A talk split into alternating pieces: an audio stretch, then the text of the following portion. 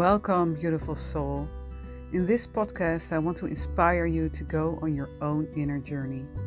I'm absolutely convinced that we are here as humans to reconnect and to heal and grow back to our truest, most authentic self.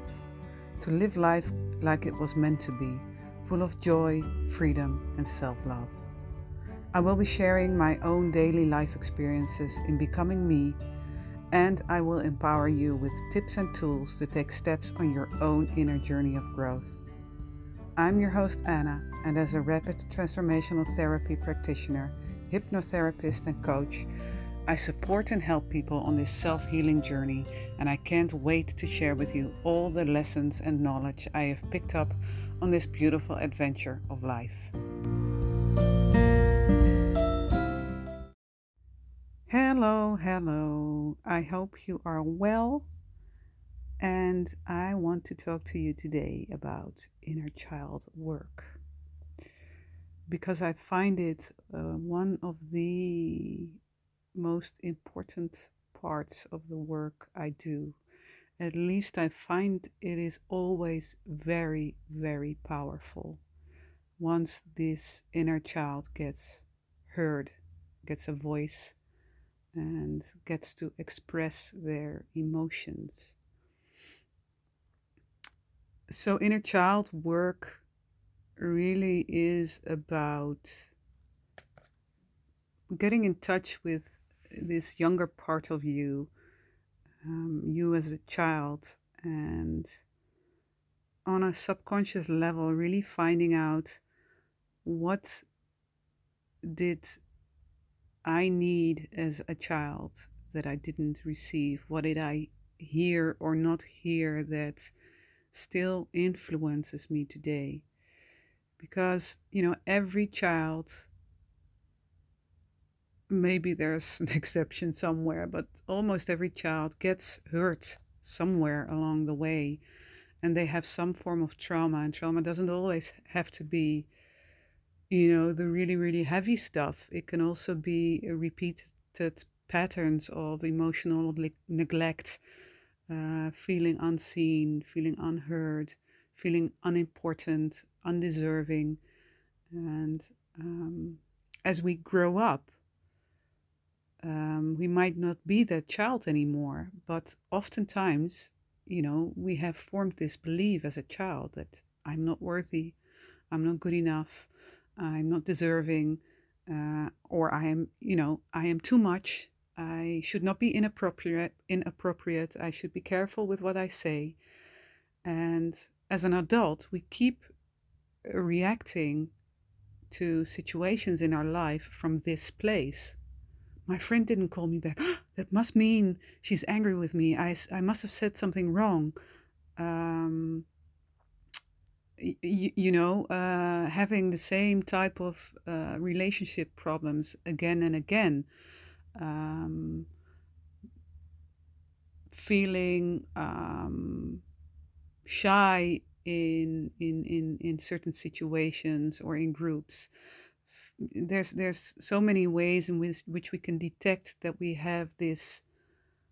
Um, ingrained reaction, and it often often comes from uh, this inner child never having been heard or you know, or seen, and or or you know their their traumas being acknowledged and uh, healed. So what I see again and again, you know, in the inner child work I do with my clients is that um, this little child it has um, it has almost almost always felt uh, not good enough and not heard. And um, i ask my clients you know what did you need to hear as a child?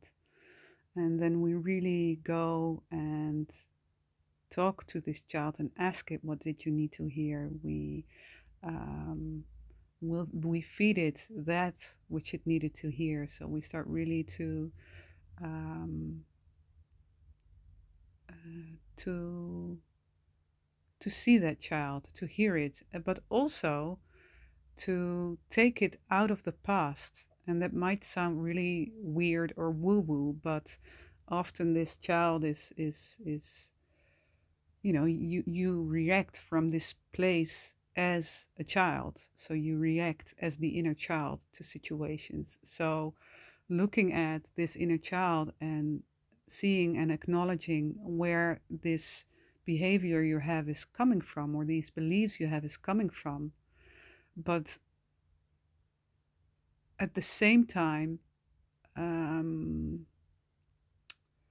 really um, showing this yourself and this child at the same time because you are one that this is not you anymore and you no, don't need to um, respond in this way anymore because the situations that were in your past um, they're not here anymore. You're an adult now and you can uh, react choose to react in a different way and choose to let go of those old behaviors and beliefs um, and emotions because you are totally capable now of finding different coping sp- skills and having excellent coping skills. So, really starting to c- take care and uh, talk to this inner child is, is an important part of, of, of healing and, you know, becoming more authentic because it is not you, those, those behaviors and those feelings and those thoughts and those beliefs. It is it's part of your past and it's now it's dictating your current day life and it's not necessary now the inner child it really it's very important to communicate with it um, by talking about their feelings how did you feel? How are you feeling today? How did you feel growing up? You know one of the things i learned is it's so easy basically. You know you know you just you close your eyes you take a couple of deep breaths and then you know you find your inner child. It's inside of you. And um, you ask it how are you today and what do you need? What do you need from me today? And maybe your inner child tells you i mean trust the voice that responds because it's it's right you know? Maybe it says um, you know I, I i'm i'm fine. I'm good today. Thank you. Maybe it says you know i need a hug. Maybe it says you know i need you to play. I need you to play more and have fun um, because i want to play more and have fun because maybe you never did that as a child and um, that's what I had as an answer at some point, you know, by just going inside, you know. Play, play, play, play. I want to play.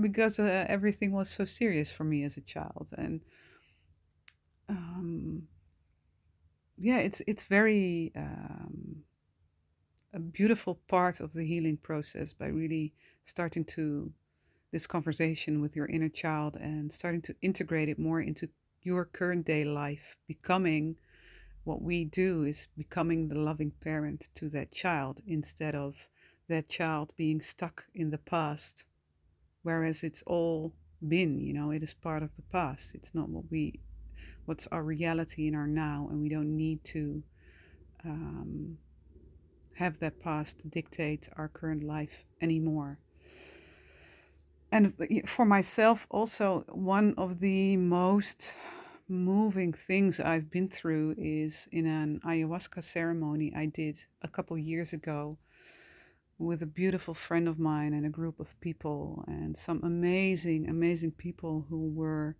there for us as we were going through this journey eh, of the ayahuasca. But um, I in, in during this ceremony I I saw my inner child and my inner child was standing in this empty space all alone looking around if there was someone there to to hear me to see me to listen to me to acknowledge me and you know to to tell me I'm okay.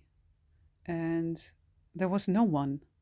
I felt, I, I, I realized how completely alone, so incredibly alone I felt as a child. And I don't think I've ever cried that hard in my life, but it was, you know, crying is healing.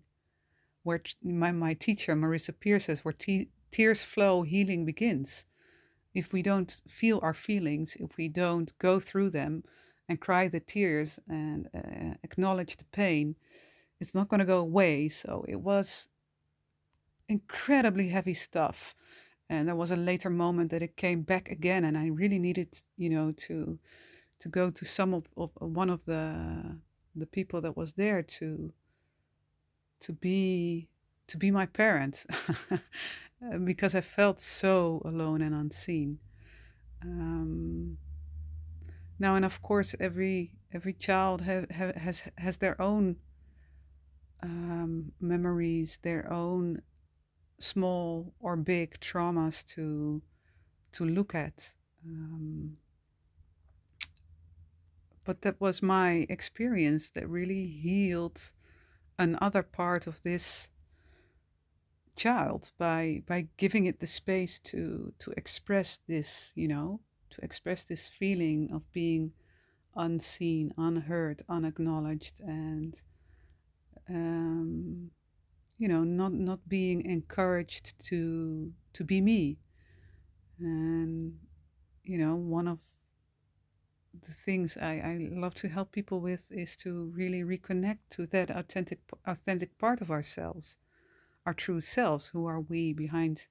If we take away all these, if we peel away the layers and the little traumas, the big traumas, look at that, heal it, and then who's beneath that? Who, who can we be? Who, what is our our truest self? And it's it's. Uh, it's not always an easy journey, but it's such such a rewarding and beautiful journey. And what I see time and again in in in these sessions is also that you know taking this child out of the past into our current day lives, and um, it's it's incredibly powerful and it's incredibly releasing to to unstuck yourself from the past, to really step into the now and not let um, that inner child uh, stay in the past, crying out for attention and uh, needing to be heard. Um, so I made a meditation, an inner child meditation, and um, I'm giving it away for free. So if you want it, just drop me a message through my website or um, Instagram, whatever, and let me know, and I will send it to you because I think it's uh, it can help you in this, this process of starting to do inner child work, and of course you're also welcome to uh, book a discovery call with me through my website to find out if you want to do more personal work on your own journey of healing and growing back to this authentic true you that's that's beneath all the programming that we've dealt with in uh, during the course of our lives. So take care of yourself love yourself and love your inner child. Give it everything that it's need that it needs and that maybe it didn't get when it was younger. And speak soon